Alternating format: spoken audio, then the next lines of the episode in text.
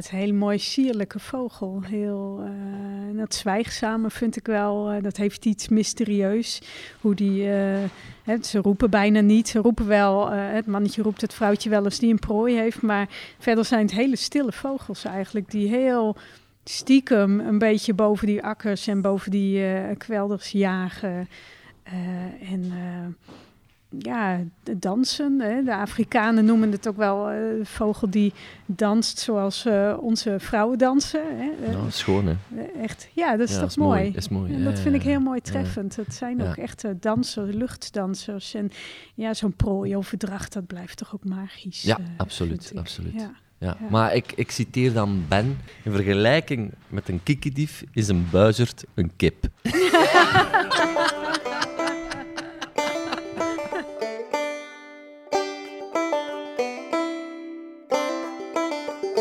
Welkom iedereen bij een nieuwe aflevering van Freed Freed. Met deze keer een aantal actoren in de hoofdrol. Je hoorde zo net Elvira Werkman, auteur van het boek De Man op de Dijk, het grenzeloze verhaal van de grauwe kieketief. En die man op de dijk is Ben Cox, natuurbeschermer en tot voor kort bezielende kracht achter de werkgroep Grauwe Kiekedief. Hij was het die in de polder in Groningen besloot dat die roofvogel maar eens in Nederland moest blijven. En hij zette zijn schouders eronder. En ik zeg zetten, want eh, Ben houdt ermee op en kijkt samen met mij even achteruit en vooruit. Ik moet het uh, zeggen, De Man op de Dijk is een prachtig boek geworden over akkervogels met uh, de grauwe kieketief als symboolsoort. Het gaat ook over samenwerkingen tussen boeren en natuurbeschermers, maar vooral eentje waar de passie van afdruipt. En veel mensen die ik ken en het boek al gelezen hebben, vertelden me dat ze het een echte page-turner vonden. Maar goed, uh, deze aflevering is eigenlijk opgedeeld in twee delen. Uh, eerst gaat het over het boek met Elvira en Ben. En in het tweede deel hoor je Wim Bovens van werkgroep De Kerkuil over de verschillende soorten kiekendieven, over hun geslaagde broedsel van een grauwe kiekedief hier in Vlaanderen, jawel, maar ook over muizen. Ik zou zeggen, geniet, lieve mensen, geniet van een stukje slow radio.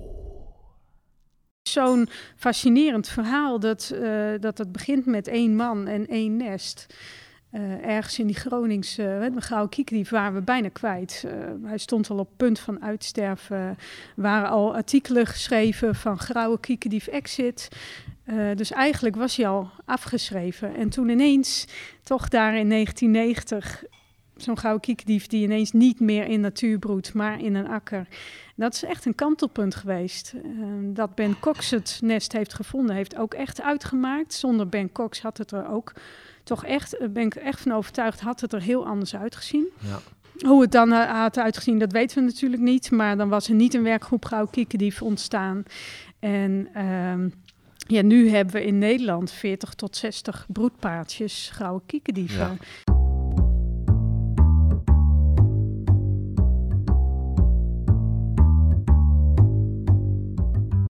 Het begon als vrijwilligerswerkgroep. Daarom ook de naam Werkgroep Gouden Kiekendief. Uh, want dat kan voor verwarring zorgen dat mensen denken het is een vrijwilligersgroepje. Uh, zo is het begonnen onder Avifona Groningen. En uh, in de lijn van de werkgroep Knobbelzwaan en werkgroep Uilen en zo. en dan had je de werkgroep Gauw Kiekdief. Maar dat ging zo, um, ja, Ben ging zich ook beleidsmatig inzetten. En dat had ook te maken met uh, menselijk contact, een gedeputeerde die geïnteresseerd was in de Gauwkiekdief. En zo kwamen er ook, uh, kwam er ook ineens een hele beleidsmatige kant bij. Um, waardoor de stap naar professionalisering in 2005 naar een professionele stichting heel logisch was. Um, en nu werken er, uh, ja, uit mijn hoofd, ik denk 12 tot 14 mensen uh, bij werkgroep Gauw Kiekdief gewoon in dienst. Het is gewoon werk. En, en ja, daar zitten onderzoekers bij. Um, mensen die uh, nesten beschermen, mensen die de tellingen doen. Uh, dus iemand die jaar rond buiten loopt om te monitoren en slaapplaatstellingen. Het is heel, heel divers eigenlijk. Ja. ja, dus Ehm, ja, Ben is degene die inzicht en de kennis heeft. Niet alleen dierenliefhebber is, maar waarschijnlijk ook mensenliefhebber. Kan toch bijna niet anders? Ja, en, en hij is ook wel een klein beetje een boer. Een beetje, hè, want hij heeft landbouwschool gedaan. En uh, hij, hij loopt wel te smullen als hij in een schuur bij een boer al, dat, al die machinerie daar ziet. Dan zit hij wel een beetje zo van, oh, nou, hè, dat, daar wordt hij wel blij van om dat te zien. Ja, uh, dus Dat, dat, dat, dat, dat, is natuurlijk uh, een plus. Als je bij boeren over de vloer komt en aan de keukentafel gaat uh, zitten koffie drinken en eten, uh, dan, dan hij spreekt de taal van de boeren. Dus hij is wel een mooie match wat dat betreft. Hij ja. is een, aan de ene kant heeft hij natuurbeschermer en aan de andere kant spreekt hij de taal van de landbouwer.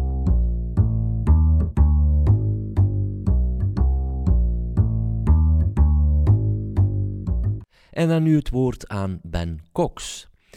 Ik ontmoette Ben in België in november vorig jaar om wat bij te praten. Het boek van Elvira was toen nog niet verschenen.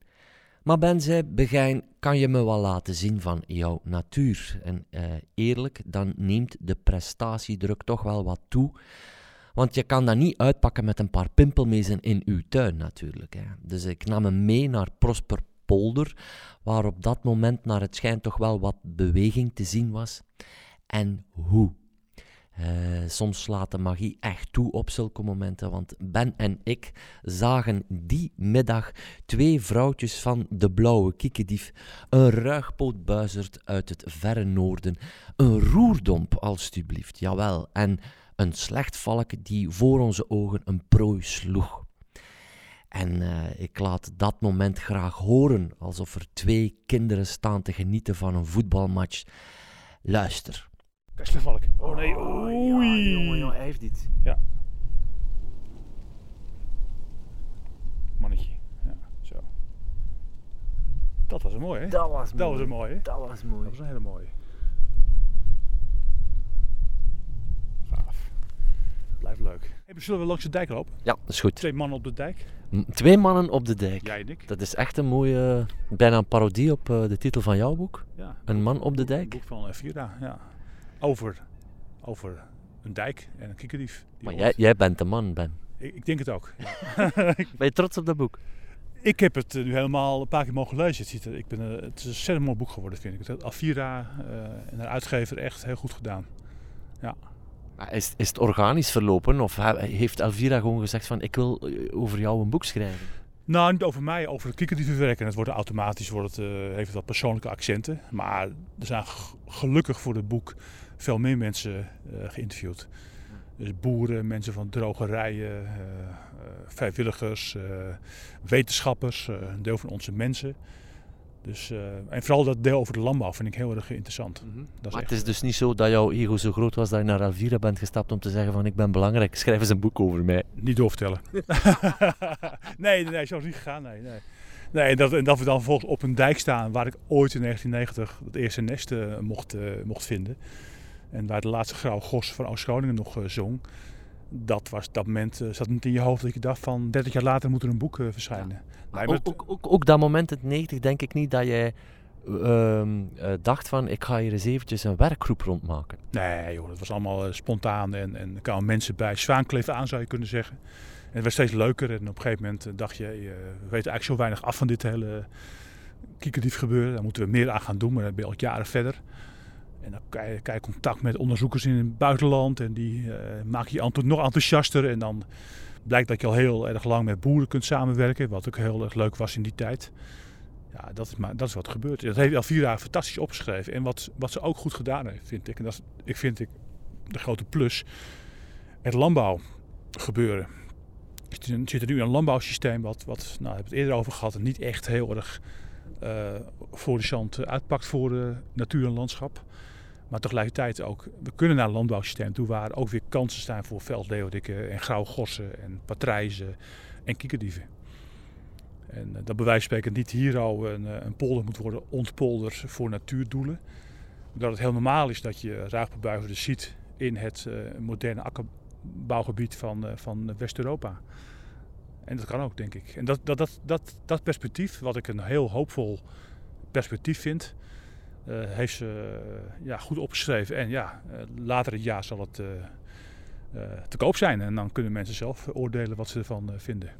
Inclusief mijn mogelijke onbescheidenheid. maar het, het, is dus een, een boek geworden. Maar dat, ja, want je kan jezelf afvragen waarom maak je een boek. Maar in dit geval is het ja, toch wel een beetje doorgeven van de fakkel, omdat jij ermee stopt. Nou, maar dat was toen niet uh, was dat de bedoeling. Het was, uh, dat was uh, toen, toen, toen we voor het eerst eigenlijk op reis gingen het veld in, was er helemaal geen sprake van dat ik zou gaan stoppen. En mensen die het boek gelezen hebben, weten ook waarom ik uiteindelijk heb besloten om ermee te stoppen. Althans, met het huidige werk in Nederland. Maar je snapt wel dat ik natuurlijk nooit zou kunnen stoppen met onderzoek naar grauw kiekerdieven. En vergeet niet dat die soorten, die komt voor vanaf Engeland tot aan West-Mongolië. We hebben nog heel veel te doen de komende jaren. En dat, eh, ja, dat kan ik het beste doen, vind ik, uh, uh, vanuit mijn vrije rol. Gewoon mijn huidige contacten. En uiteindelijk, de kiekerdieven wijst me alweer de weg naar leuke kansen. Maar in Nederland en akkersvogelbescherming, dat is wel voor mij persoonlijk een ja, afgesloten hoofdstuk. Ja. En we staan nu op een dijk. Dat vind ik een mooi perspectief. En we kijken uit naar Vlaamse landschappen. Wie weet ga ik hier wel dingen doen. Maar uh, we kijken naar Ruigpoelbuizerd en zitten midden de blauwe kiekerdieven. Dat zie ik ook in Groningen, maar dat zie ik ook in Frankrijk. Dat zie ik ook in Engeland, bij wijze van spreken. Dus ja, wat dat betreft blijven er heel veel dingen gelijk. Alleen het, wat ik heel mooi vind, uh, dat er nu een boek is uh, wat een natuurbeschermingsverhaal vertelt vanuit de binnenkant. En het is eigenlijk heel gek dat dergelijke boeken nog nooit eerder zijn geschreven in Nederland. Althans in het Nederlands taalgebied. En dat, dat is gewoon nu wel gelukt. En ik denk dat het een, een boek is wat uh, veel mensen doet nadenken over uh, natuur en landbouw.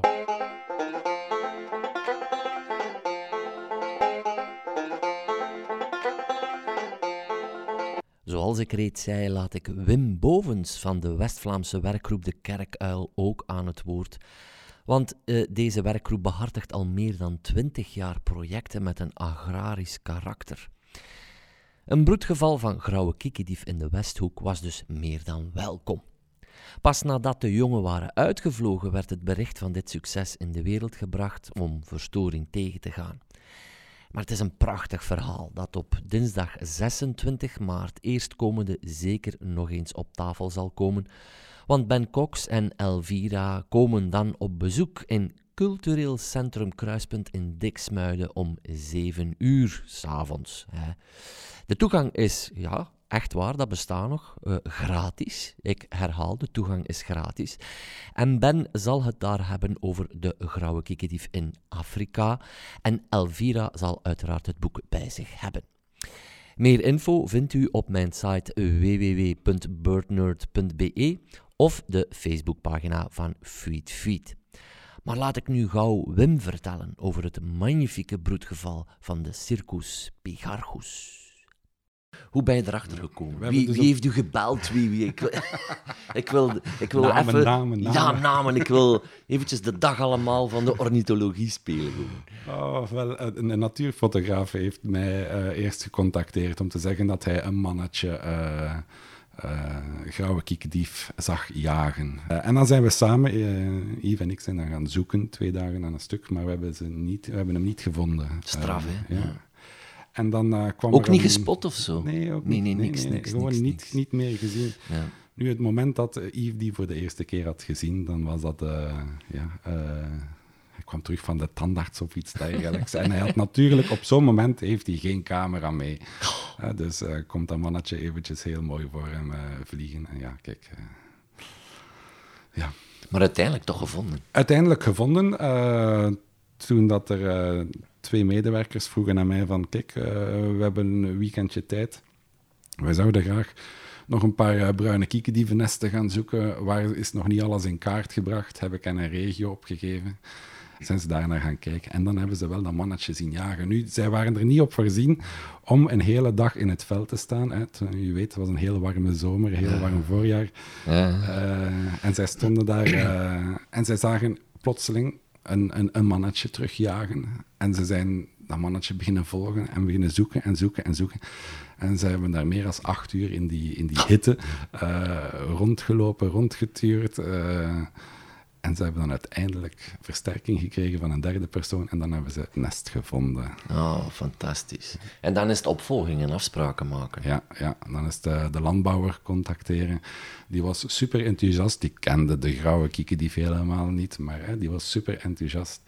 Uh, dat is wel de max, is Ja, heel goede contacten mee gehad. Uh, die, die hield mij ook op de hoogte, want wanneer wordt er gedorst? Dat hangt allemaal af van uh, de vochtigheid in, het, in, het, in, de tarwe. ja, hij kan ook niet zeggen, ja, ga ik volgende week donderdagavond gaan, gaan dorsen. Nee, nee, ja, dat moet allemaal gemeten worden en gedaan worden. Maar hij, hij hield constant contact met mij om zo af te spreken wanneer dat er gedorst werd. Super, super. En komt die terug in principe? Die grauwe kiekendief Die grauwe kiekendief. Er is een kans dat die terugkomt, maar het zal zeker niet op hetzelfde veld zijn, want daar gaat uh, mais staan van de jaar. Dus uh, misschien komt hij terug, misschien komt hij niet terug. Uh, ze zijn eerder honkvast aan hun overwinteringsplaatsen dan aan hun broedplaatsen. Dus, ah ja, ja, ja, ja, ja. Het kan dus ook zijn dat er meerdere komen. Dat kan ook. Laat ons hopen, hè. Laat ons hopen. Hoe, hoe, meer, hoe liever. Zeg, die grauwe, die blauwe en die bruine, hè, elk op hun manier, doen die dan aan die prooioverdrachten, alle drie? Ja, ja. ja. Heb je dat al eens gezien, Begijn? Wim, jij weet dat ik dat nog nooit gezien heb. wel, dat is een moment om echt wel kippenvel van te krijgen. Hè. Als je dat ziet, uh, dat, is, dat, is, dat is pure kunst in de lucht. Ja.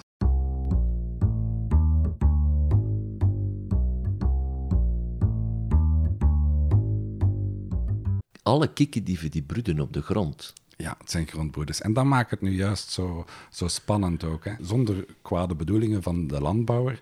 Maar als er gedorst wordt, dat is het moment dat die jongen zouden kunnen uitvliegen. Ofwel zijn ze net uitgevlogen, ofwel staan ze op punt uit te vliegen. Uh, en dat was het geval bij de grauwe kiekendief trouwens vorig jaar. Het moment dat de landbouwer mij belde, kon eigenlijk geen slechter moment zijn uh, toen dat hij mij belde om te dorsen. Want Twee jongen konden vliegen. Eén was bezig met vliegstunts, ja. ik ga het zo noemen. En eentje zat nog in de beschermingskooi. Dus rond het nest stonden er uh, twee op twee meter hekken rond voor de bescherming. Eentje zat nog in de kooi, maar eentje vloog dus uh, ja, hier en daar een paar meter. En het moment dat uh, er gedorst werd, zaten er twee in de boom of aan het rondvliegen. Eentje zat in het nest en eentje zat dus ergens in de tarwe. Oh. En dan hebben we dus met man en macht uh, moeten, moeten gaan zoeken, effectief. Uh, met toestemming van de landbouwer, hij was erbij, om effectief die, die ene grauwe kieker nog uit te halen, zodat hij niet onder de dorser uh, kwam. Hè. Dus je hebt die gevonden? We hebben die gevonden. Eén medewerkster zat ook in de, dors, in de dorser mee, om van daaruit alles in de oog te houden. Ja. maar we hebben hem gevonden, hij is mee in de kooi gegaan. En uh, ze zijn alle vier succesvol uitgevlogen. Ah, fantastisch. Naast de grauwe kiekendief zijn er nog andere soorten kiekendieven in ons land. En de bruine kiekendief is de meest algemene en tegelijkertijd ook de grootste soort. Um, prachtig bruin en het mannetje heeft verschillende schakeringen in zijn vleugels zitten. Je moet die maar eens opzoeken op Google. Ze komen er niet voor in grote getalen, hè, uh, laat dat duidelijk zijn. Um, dan heb je ook nog de blauwe kiekendief. Die kom je op een ander moment in het jaar tegen in ons land. Uh, het mannetje is prachtig zilvergrijs. En um, de steppenkiekendief um, kan je hier wel eens zien, maar uh, enkel en alleen maar op doortrek. Dus daar moet je toch wel een beetje geluk voor hebben. Maar al die soorten die hebben dezelfde elegantie en schoonheid als ze vliegen. Ze hebben van die scherpe en lange vleugels. Dat geeft hen enorm veel gratie. Het is alsof dat er iemand ja, hen staat te bedwingen met een soort... Uh, ja, het is, het is precies een soort marionet die met hen aan het spelen is. En Wim sprak ook al over de prooioverdracht. Wel, wat is dat precies? Wel, tijdens het broedseizoen geeft het mannetje de prooien door aan het vrouwtje in de lucht. En dat is een spektakel, want dan gaat het vrouwtje op haar rug draaien tijdens het vliegen en dan laat het mannetje de prooi vallen, waarna uh, zij terug naar het nest kan vliegen. De, de bruine kiekendief is eigenlijk hier uh, eind jaren negentig eigenlijk toegekomen en gaan, uh, gaan broeden in, in agrarisch gebied. Hè. Daarmee dat ook een projectvogel van ons is geworden. dat is dan in de Moeren in, in Veurne ehm, agrarisch gebied, dat wil zeggen dat hij dan gaat gaan broeden in, in hooiland of in uh, gerst of in tarwe. En dat is eigenlijk een, een omschakeling. De, de grauwe kiekendief heeft die omschakeling ook gemaakt van, van, van een rietgebied naar, naar uh, agrarische akkers. Uh, en ja, eind jaren negentig is er eentje in een hooiland gaan, gaan broeden. En sindsdien zijn we die beginnen opvolgen. En ondertussen zitten wij nu aan een populatie van uh, bijna 70 in heel ons werkingsgebied, wat dat dus eigenlijk de noordkant van de Westhoek uh, beslaat. Ja, hoe zit dat hier nu eigenlijk met die blauwe? Wanneer kunnen wij die zien? Wij kunnen die vooral zien in, uh, in de winter. En dan komen die van het noorden komen dan afgezakt naar onze gebieden. Komen ook naar hier? Ja, ook naar hier. Okay. Ook naar hier. Ik heb dit, ja. Deze winter heb ik, eventjes denken, twee vrouwtjes gezien. Maar de mannetjes... Uh... Ik heb ook deze winter nog geen mannetje gezien, dus uh, het ligt niet aan jou, begrijp Oké. Okay. ja, maar ja, je weet het nooit, hè. Ja, maar dus die blauwe kan je zien in de, in de winter. Komen van, zei je, van... Het... Van het noorden, hè, van het hoge noorden komen zij af. Als, hoe kouder het is, hoe meer uh, blauwe, kieken dat we, blauwe kiekendieven dat we hier gaan, gaan tegenkomen. Nu, ze kunnen hier ook wel broeden. Hè. Uh, het is niet omdat ze dat niet doen, dat ze dat niet kunnen. Ze kunnen hier ook wel broeden. Um, vorig jaar zijn er uh, een paar jonge blauwe kiekendieven gespot geweest, ook in de moeren, die dat dus ergens net over de grens in Frankrijk moeten gebroed hebben. Dat kan. Ja, de voorwaarden om te broeden zijn dezelfde als die van bruine kikkendief? Ja, maar ze zijn veel moeilijker om, om te spotten. Uh, hoe, hoe, moet je het bijna gaan zeggen? Uh, ze stijgen bijna verticaal op, gaan, gaan 100 meter hoog, vliegen dan naar een, een, jachtgebied, gaan daar gaan jagen, vliegen terug omhoog en dalen dan bijna rechtstreeks in, in, in een, uh, bij, op een nestlocatie neer. Je, je kan ze heel moeilijk spotten. Een bruine kiekendief is veel makkelijker om, om op te volgen en te zien. Omdat die meer jaagt? Ja, die jaagt meer en die, die, die laat zich gewoon meer zien ook. Ja, oké, oké, oké. En dan, een, het is geen doelstelling van jullie om die blauwe kikkendief te laten broeden hier, denk ik? Wel, als die hier komt, uh, gaan wij die natuurlijk ook beschermen. Hè? Ja. Als wij hem vinden, uiteraard. Ja, ja, het is natuurlijk niet vanzelfsprekend om hem te vinden.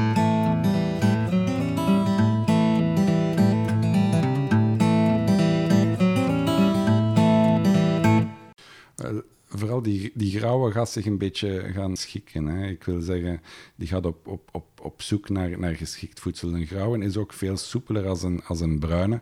En als die geen muizen genoeg vindt, uh, wat dat zijn primaire prooi is eigenlijk, dan gaat die, uh, zou die wel eens kleine vogeltjes kunnen nemen. Ja, ook. dus die kan overschakelen. Ja, die kan overschakelen. De, de bruine is daar net iets... Uh, uh, niet, niet, niet mobiel genoeg voor, voor vogeltjes te pakken. Ja. ja. Hij is niet flexibel om... Ja. om dus die, wat, wat pakt hij voornamelijk, die bruine?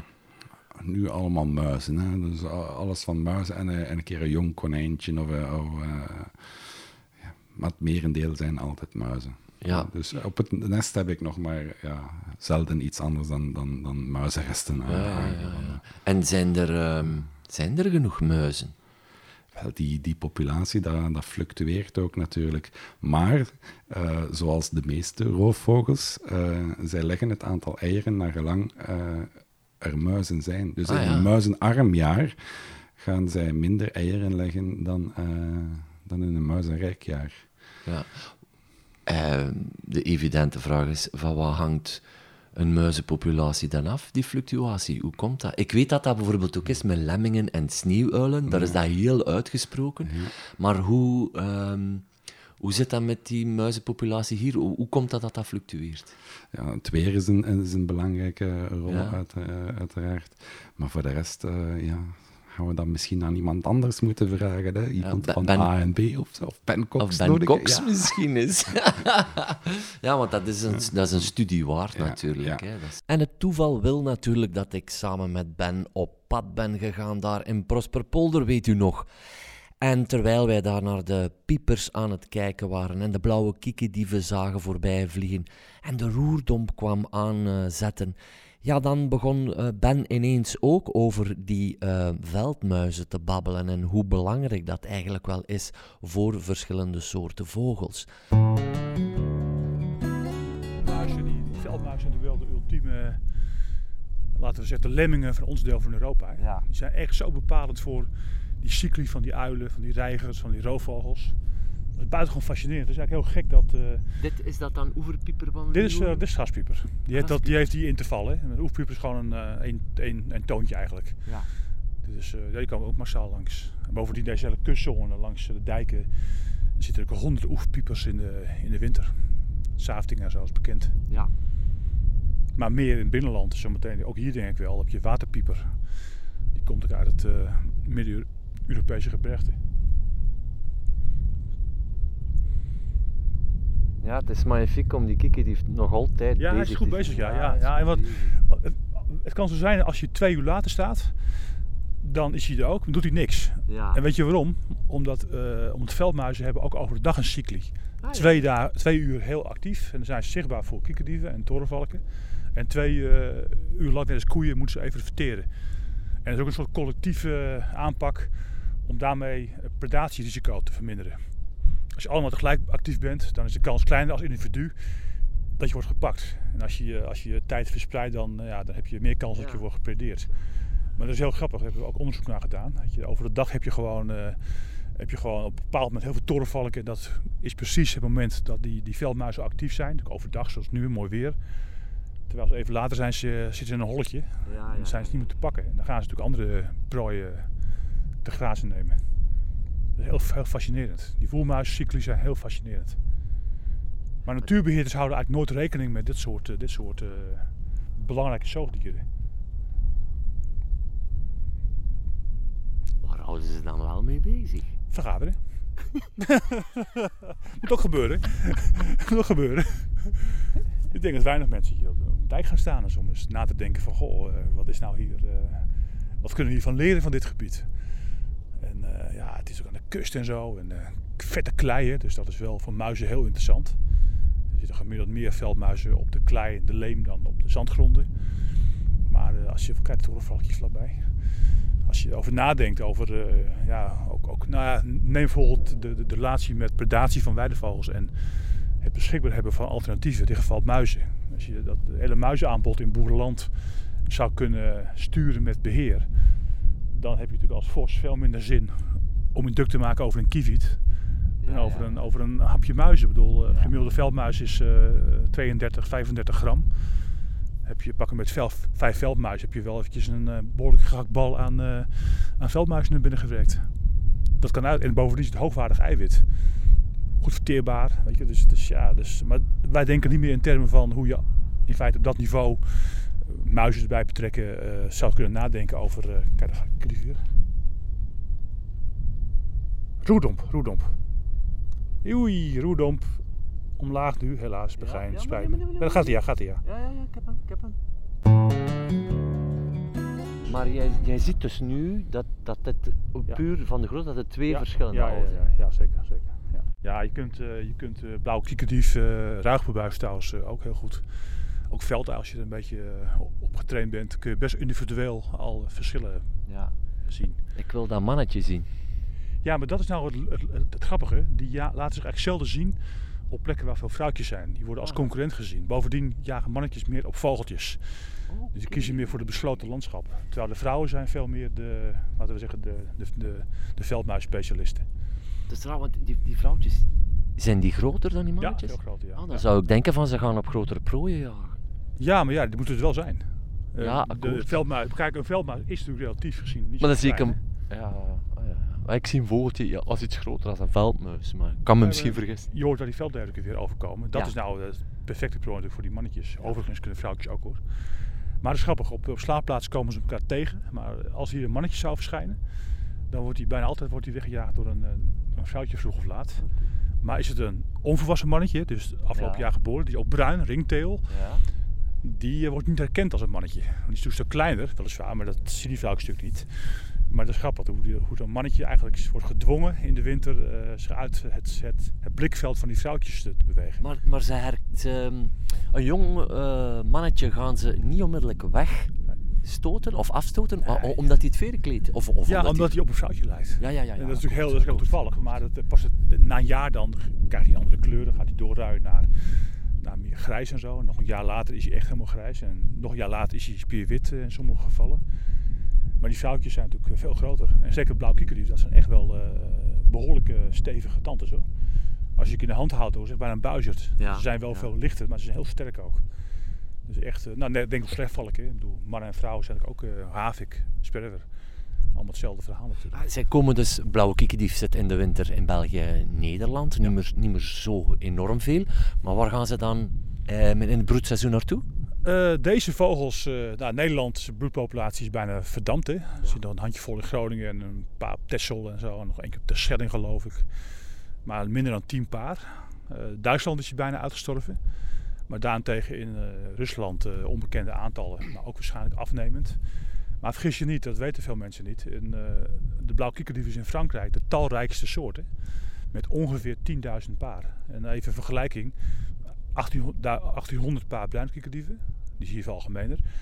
3000 paar grauwkikkerdieven. En dan pak een beetje drie, vier keer zoveel blauwkikkerdieven. Ook in Spanje, van het noordelijk deel van Spanje, is uh, de blauwkikkerdief gewoon een akkervogel. In, in, het nemen af weliswaar, maar nog steeds hele grote aantallen. Nou, maar je hebt het over de, het, het, aantal kikkerdieven, uh, um, vergelijk. Ja, ja, ja, ja. ja broedparen. En uh, nou, dan worden gedachten, er zijn wat, wat, wat terugmeldingen, onze kikkerdieven die in de toptijd in Nederland op de eilanden werden geringd of in Flevoland. Die gingen allemaal naar Noord-Frankrijk, bleven een beetje hangen in Nederland of in Zuid, eh, Zuidwest-Engeland. Nou, wij hebben een paar een zender. Eentje ging naar Engeland toe, dat klopt. En dan kwam weer terug. Ja, een torenvalkje denk ik. Of is het... We gaan het zien. Ja, een torenvalkje. Het is een torenvalk. Ja, ronde vleugeltjes, ja. een jong beest. Maar uh, uh, we hebben ook een mannetje gehad, uh, die, die kwam uit in het gebied onder Extremadura.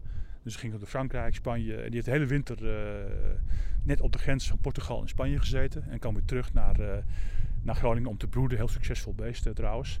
Dus meteen de eerste een logger die we organiseerden, deed iets wat in de boeken nog nooit wat, wat was, was terug te vinden. Dus ja, we leren natuurlijk zoveel van zenders.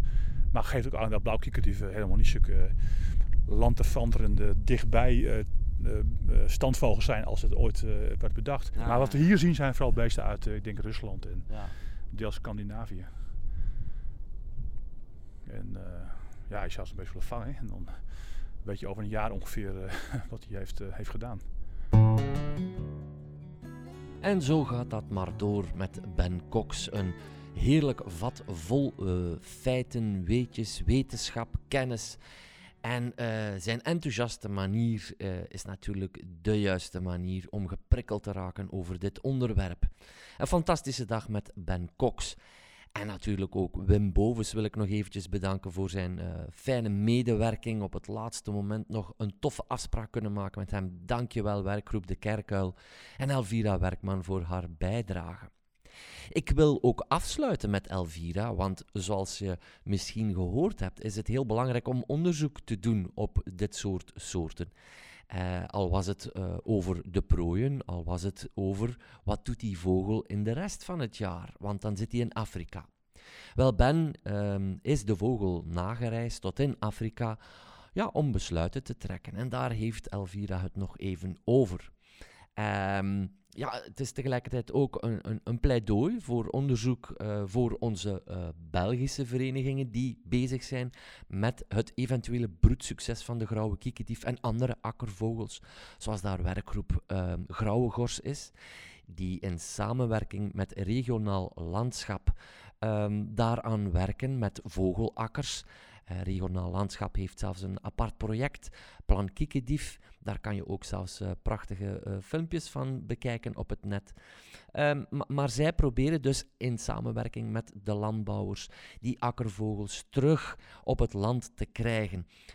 wil je daarover nog meer weten? Dan, ik heb al een podcast gemaakt over Grauwe Gors, de werkgroep. Die moet je maar eens opsnorren en terug beluisteren.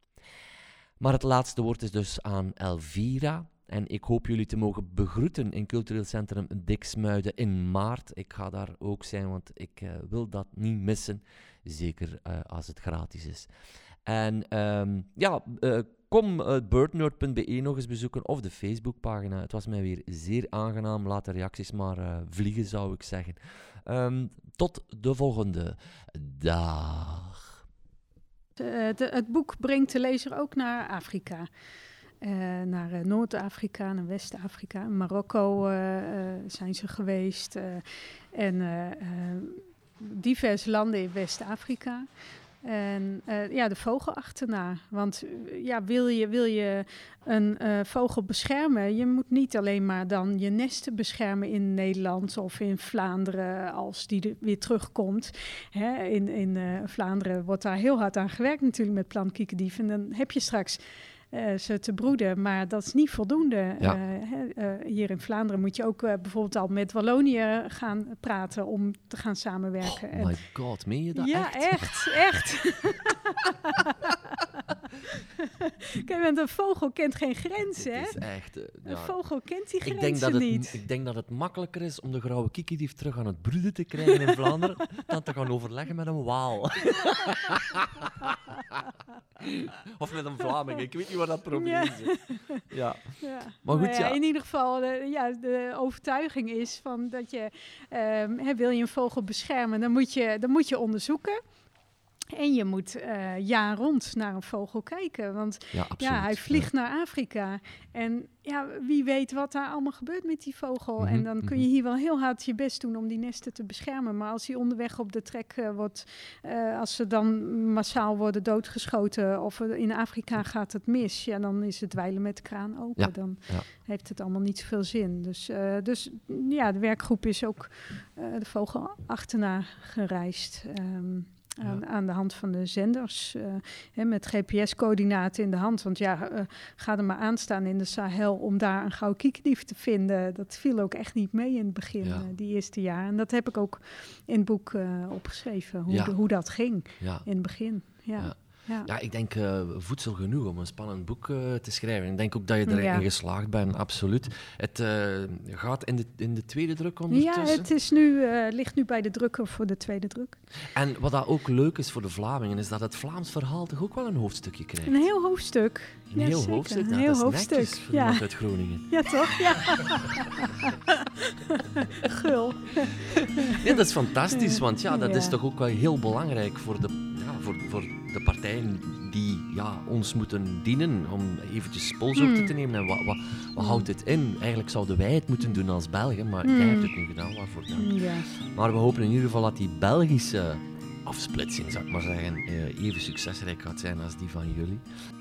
Ehm, we zijn een half uur aan het babbelen. Ik denk dat we, Mm. dat we het zo een beetje hebben, tenzij je zegt begin. Potverdekke. Is er iets vergeten? Ja? Kijk dan achter je. Tot zover mijn Gronings. Heel leuk. Dat is een mooie afsluiting Ja. van Gronings.